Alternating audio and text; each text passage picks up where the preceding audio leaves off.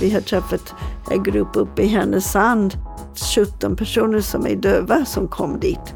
Och idag redan efter bara några månader är de redan i jobb och sånt. Men samtidigt som vi hör om en annan person som är rullstolsanvändare, rullstolen gick sönder. Det var ingen som ville ta ansvar och hjälpa personen att, att fixa till sin rullstol. Det var väldigt helvetiskt för personen kunde inte komma någonstans utan sin rullstol.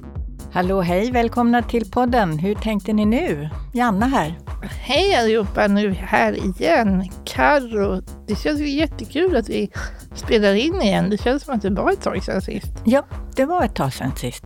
Egentligen så är vi väldigt upptagna med att fylla 100 år, som ni säkert har hört många av er redan. Men håll utkik efter vårt 100-årsjubileum, för det kommer finnas på alla platser nästan i landet och vi kommer synas och höras i många olika sammanhang under året. Men det är viktigt att hinna göra podd också. Vi vill ju finnas nära er med aktuella ämnen hela tiden. Och ett väldigt aktuellt ämne, det är ju det här med att um, fly från krig.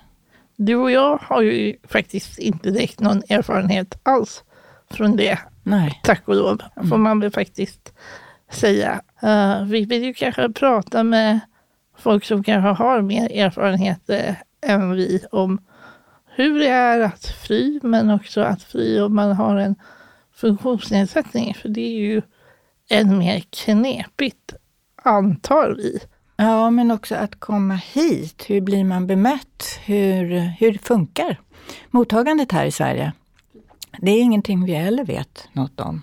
Vi kan, kan börja med att prata med vår goda vän Jamie Bowling från, eh, som vi känner sedan länge från Independent Living Institute, men som numera har projektet Disabled Refugees Welcome, heter det va? Tack så mycket, ja. Det är jätteroligt att vara här och prata med er. Och ja, jag är direktor för Independent Living Institute och vi har haft projektet Disabled Refugees Welcome och nu har vi projektet Rätten till arbetet. Alla de som vi träffade via Disabled Refugees Welcome som har kommit på grund av krig och olika anledningar, förföljelse. Och de, um, de vill jobba så att de kan vara kvar och jag ha ett bra liv här i Sverige. Men Jimmy, det måste ju ha funnits en anledning till att ni startade det här projektet. Ja, vi är fler som jobbar på Independent Living Institute som är inte svenska. Vi kom själva som migranter och vi har funktionsnedsättning och vi vet att det har inte alltid varit så lätt att förstå systemet och hur det funkar. Och eh, vad blev det för resultat av projektet? Resultatet var att vi ville, vi ville höra vad funkar. Mycket, mycket grejer funkar, det funkar bra. Men också vad funkar inte? Och hur det, det, vad försvårar sin integrationsprocessen? Och det kunde vara allt från, först var det en, vad vill jag säga, gap. Att antingen personer handledare och sånt kan migrationsfrågor eller frågor om funktionsnedsättning. Men de kunde inte båda. Och då var det svårt att kunna stödja personen som hade både de här behov, både om migration och funktionsnedsättning. Det var en. Men också det var inte så mycket, man kände att det, vad heter, myndigheterna inte pratade så mycket med varandra. Jag tycker det är mycket bättre nu.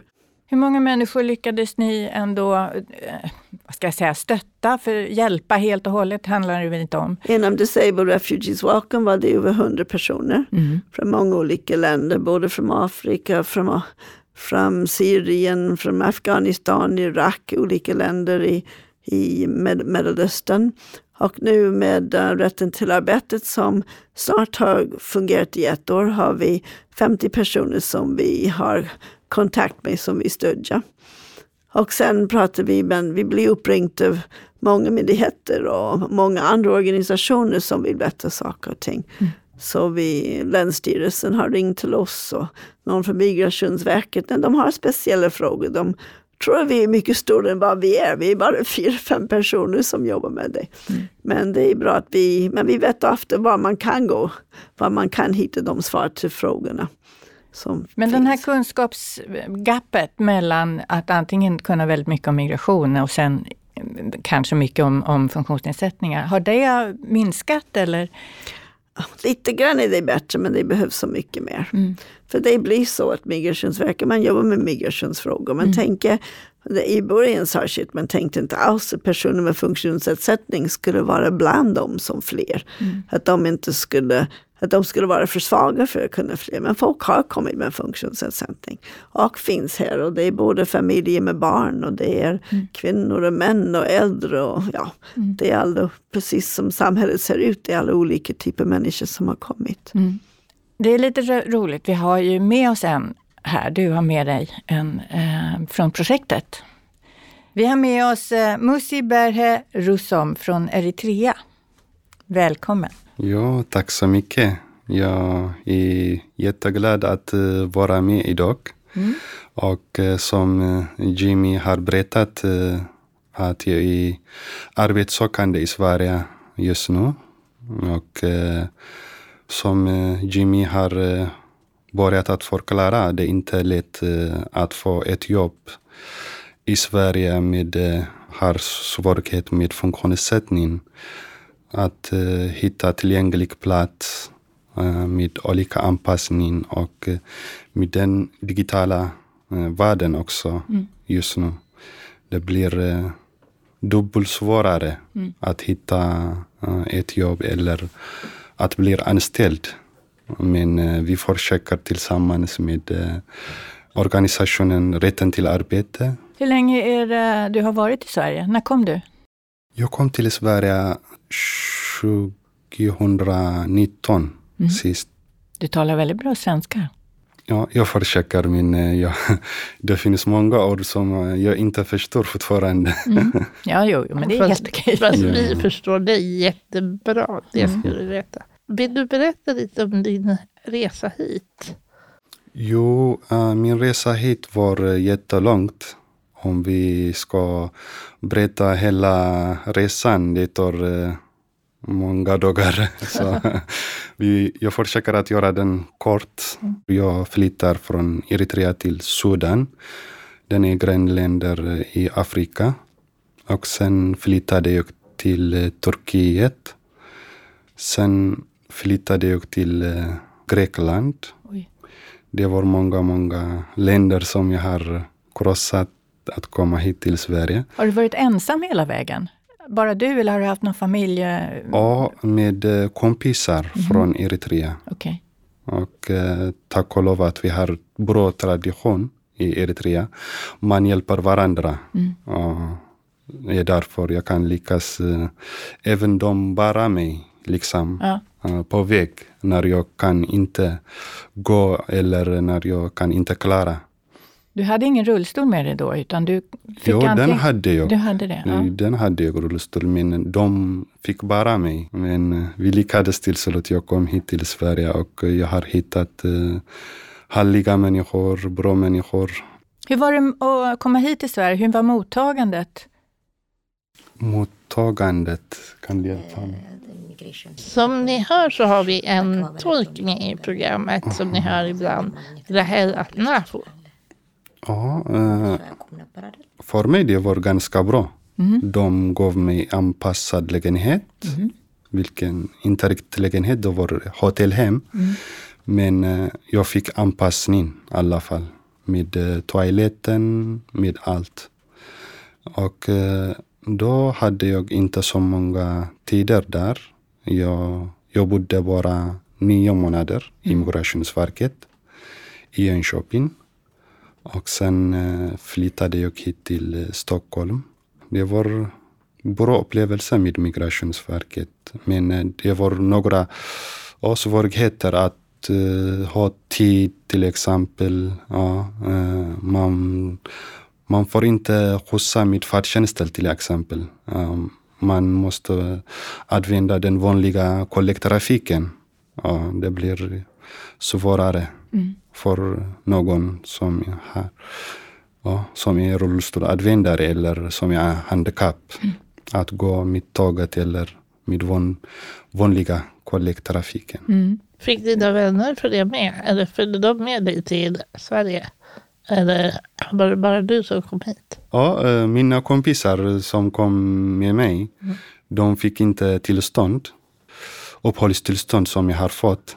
Och uh, de gick till andra länder i Europa. Mm. Det är bara jag som finns i Sverige just nu. Det var värst. Ja. Så då blev du ensam här? Jo, nästan. Ja. har du känt dig ensam? Jo, uh, jag har en syster. Hon bor i Stockholm. Aha. Ja, och uh, jag fick uh, lite sällskap när hon har uh, fritid. Mm. Annars jag, går, jag försöker att göra, umgås med mina grupp som finns i rätten till arbete. Mm. Och som jag har sagt, Newcomers with Disability mm. på den andra organisationen också. Uh, men uh, var det någonting som du tyckte var annorlunda med Sverige? Eller var det någonting du tänkte på när du kom hit till Sverige? Att det här var konstigt eller lustigt eller det här hade du aldrig varit med om förut? Ja, sociala, vad heter den, livet. Eh, det, man blir lite ensam när man kommer till ett annat land. Mm. Det finns eh, mycket sociala livet i hemlandet i Eritrea. Men när jag kom till Sverige, jag blev eh, mer ensammare. Jamie, nu är det ju en stor annan grupp människor som kommer till Sverige från Ukraina. Har ni många sådana kontakter? Vi har flera.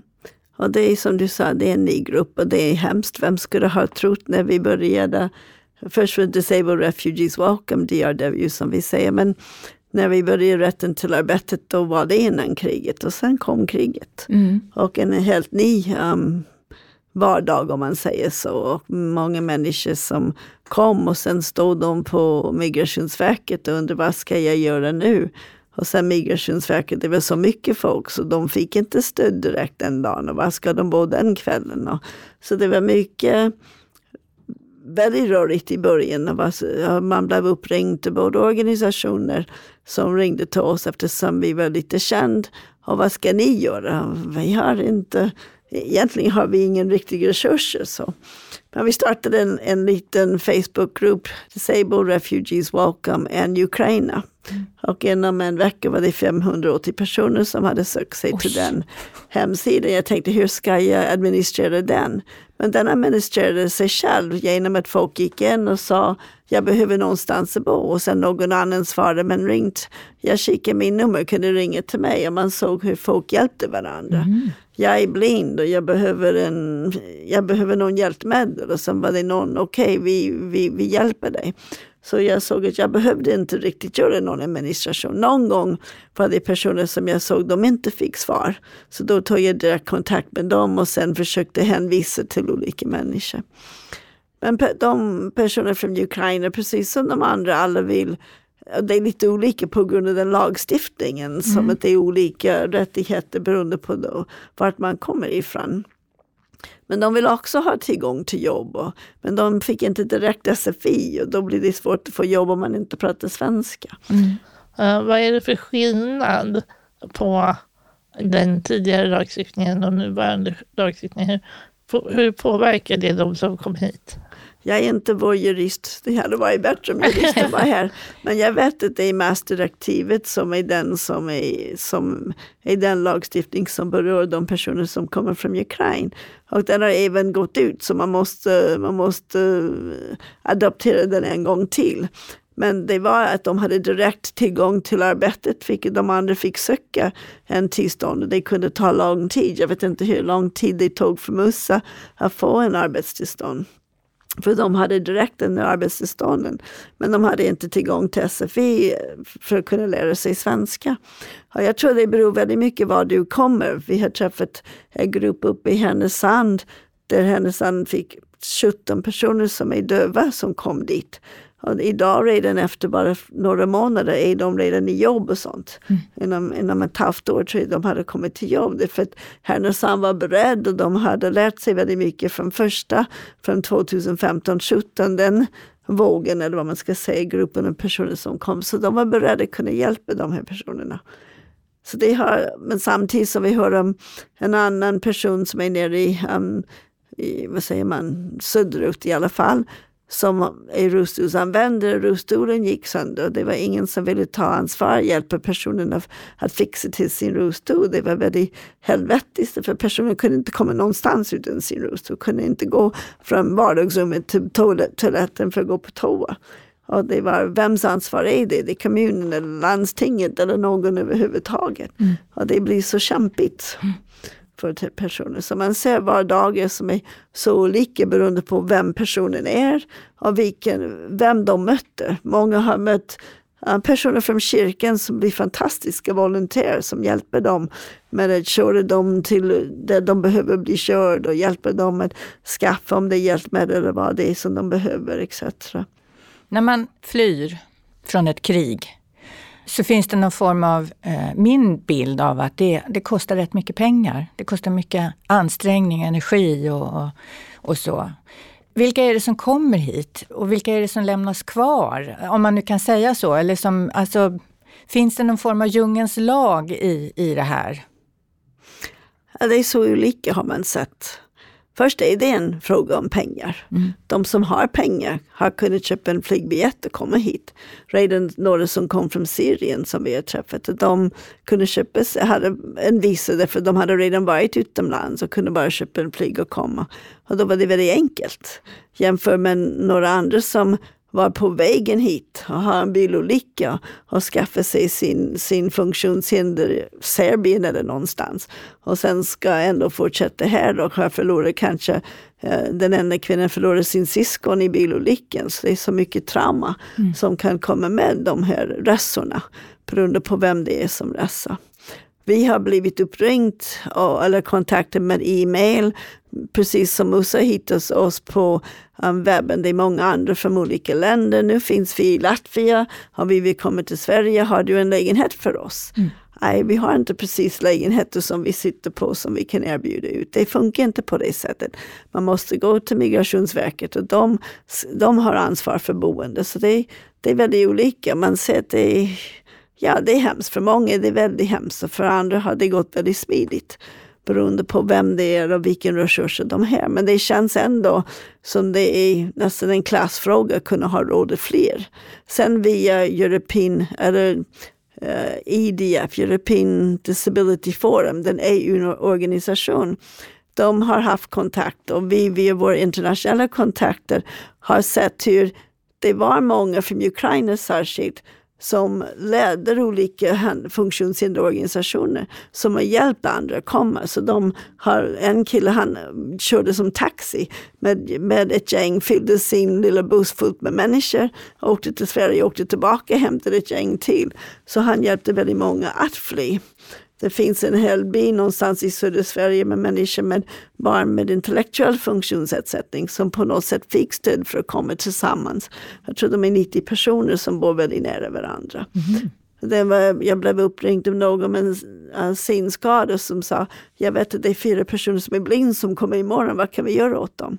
Så det beror på vem man känner och vilken resurser man har för att kunna fly. Mm. Men du måste jag ha hört oerhört många människor berätta om sina upplevelser från hur de har kommit hit. Finns det någon berättelse som har berört dig mer än andra? Jag tror det var lite den här kvinnan som jag berättade som var på väg hit med sin syster. Och sen har en bilolycka, förlorar sin syster och förlorar sin, eller blir skadad och blir en rullstolsanvändare. Och hennes kamp för att kunna komma sen till landet och, och, och, och, och ja, att hitta sin väg hit. För jag tänker själv, hade jag flyttat till Sverige nio månader innan hästen bestämde kasta av mig. Den tyckte inte om mig och sen hur man skulle få lära sig ett nytt land. Jag var redan här men jag kunde lära mig svenska och fram ett sjukhussäng och allt som det innebar. Men det var ändå väldigt jag hade bomull runt omkring mig i jämförelse med någon som har en bilolycka på vägen hit till Sverige. Men sen de olika historier vi har haft här om olika, för vissa personer har det funkat väldigt bra, Musa har lärt sig bra svenska. Ensamheten är en problem, mm. isolering är en annan problem. Att på grund av tillgänglighet, man kanske får tillgång till en lägenhet men man kan inte öppna dörren själv och det finns ingen dörröppnare så man är inlåst där inne. Mm. Det är sådana historier som tyvärr finns. Vi har sett hur viktigt det är med sociala nätverk, att kunna, som Musse säger, umgås med dem som man har träffat via Disabled Refugees Welcome. Att kunna stödja varandra med olika, berätta, så här gjorde jag om jag behöver en lägenhet eller om jag försöker söka jobb. Att Man kan stödja varandra med sin med sina uh, eh, överlevnadsstrategier, att man delar med sig. Och här, här skulle ju också vi som DHR också kunna liksom kroka arm någonstans, för vi finns ju också lokalt och jag skulle ju behöva följa upp personer som Musse och andra i, eh, i era projekt för att kunna också fånga upp de här erfarenheterna men också kunna vara den påtryckande kraft som vi ändå är. För vi besitter också väldigt mycket kunskap om hur, hur saker och ting fungerar i de lokala sammanhangen. Just då, att vad gör man om man inte kan få sin rullstol lagad? Uh, då vet man ju oftast det lokalt. Kanske mer än vad ni i projektet har kännedom om på central nivå. Vi på Independent Living Institute är vi flera föreningsmänniskor. Mm. Jag har mina rötter i DHR. Och det var väldigt viktigt för mig i DHR när jag var nyskadad att förstå hur gör jag när jag ska köra min bil? Hur får man tillgång till en parkeringstillstånd? Och när jag fick nej, du får ingen parkeringstillstånd. Aha, hur, hur handikappad måste jag vara? Då ringde jag till dig och frågade hur handikappad måste jag vara? Är jag inte tillräckligt handikappad? Hur funkar det här systemet? Så vi pratar väldigt mycket om vikten av civilsamhället och vikten att kunna söka sig om man är synskadad, söka sig till Sveriges eh, SRF, Sveriges riksför, eh, äh, Synskadades riksförbund eller DHR för om man är en, jag har en rörelsehinder. Att man vet att de här organisationerna kan ge så mycket stöd och man träffar personer som kanske inte har fritid men kan dela erfarenhet av en funktionsnedsättning. Det är en väldigt viktig del av att bli inkluderad i ett samhälle tycker vi. Mm. Så vi pratar väldigt medvetet om DHR, SRF, HRF, FUB, de olika organisationer som finns som vi tycker är viktiga. RBU. Mm. Och jag tycker också att det är ett sätt att faktiskt undvika den här ensamheten. Uh, nu är det jättebra att man får kontakt, och att man ska kunna få kontakt genom projektet, att man har liknande erfarenheter och kan hjälpa varandra i arbetssökande processen och kanske peppa varandra. För den är ju säkert inte hur enkel som helst, den processen heller. Alltså den är ju inte enkel även om man är svensk medborgare och ska ha stöd via Arbetsförmedlingen så är det ju ganska krångligt och knivigt. Så jag kan inte ens föreställa mig hur, hur svårt det är om man inte helt förstår systemet och alla turer som man ska göra. Det är en annan sak vi berättar för dem vi träffade, för de tror det är bara att jag har kommit hit och flytt, att jag blir diskriminerad, att jag får inte tillgång till ditten eller datan. Alltså det är inte riktigt så. Det är samma sak för svenskarna som bor i Sverige. Man måste veta hur det fungerar, hur systemet fungerar, om lagarna, man måste be hjälp om den stöd man behöver, men det är inte automatiskt som man ska få det bara förstå systemet är så viktigt. Ibland det kan räcka man får en, men att de säger, aha, aha svenskarna har de svårt också. De, det blir en, aha, eller ja, de blir lite förvånade men de förstår att det är så, att det finns tyvärr mycket nedkänningar idag och det livet är inte så lätt. Jag måste säga att det här sista du sa Jamie, det var väldigt intressant det här med att diskriminering finns ju även bland svenskar så att säga med funktionsnedsättningar och att det kan vara en viktig sak för oss på DHR också att påminna om eh, och prata om så att man inte blir ännu mer ensam så att säga. Utan att det där är någonting vi kan ha gemensamt. Ja, ja och också en, att vi i våra lokala DHR-föreningar också sticker ut en hand mm. och faktiskt tar kontakt med andra organisationer som, som möter migranter. För det är ju potentiella medlemmar och medlemmar som också behöver eh, DHR och DHR behöver faktiskt dem i, i lika stor utsträckning. Dels mm. för att sprida en mångfald i vår egen förening men också att faktiskt belysa de här frågorna. För det är väldigt svårt för mig och Janna kanske att sitta här och prata om hur det är att komma hit när vi inte har någon som helst aning om de upplevelser som sker. Så det, det hoppas vi verkligen att våra avdelningar gör ute i landet. Ja, men då är vi klara för den här gången och, och eh, tack för att du kom, Musibere Russom. Och tack Jimmy Bolling från Independent Living och Disabled Refugees. Welcome. Vi hörs igen. Hej då! Ha det så fint. Hej då! Hej då! Tack så mycket. Hej, hej. Hur tänkte ni nu? är en podd från DHR. Ansvarig utgivare Janna Olsson. Hur tänkte ni nu produceras av Filt Hinterland för DHR.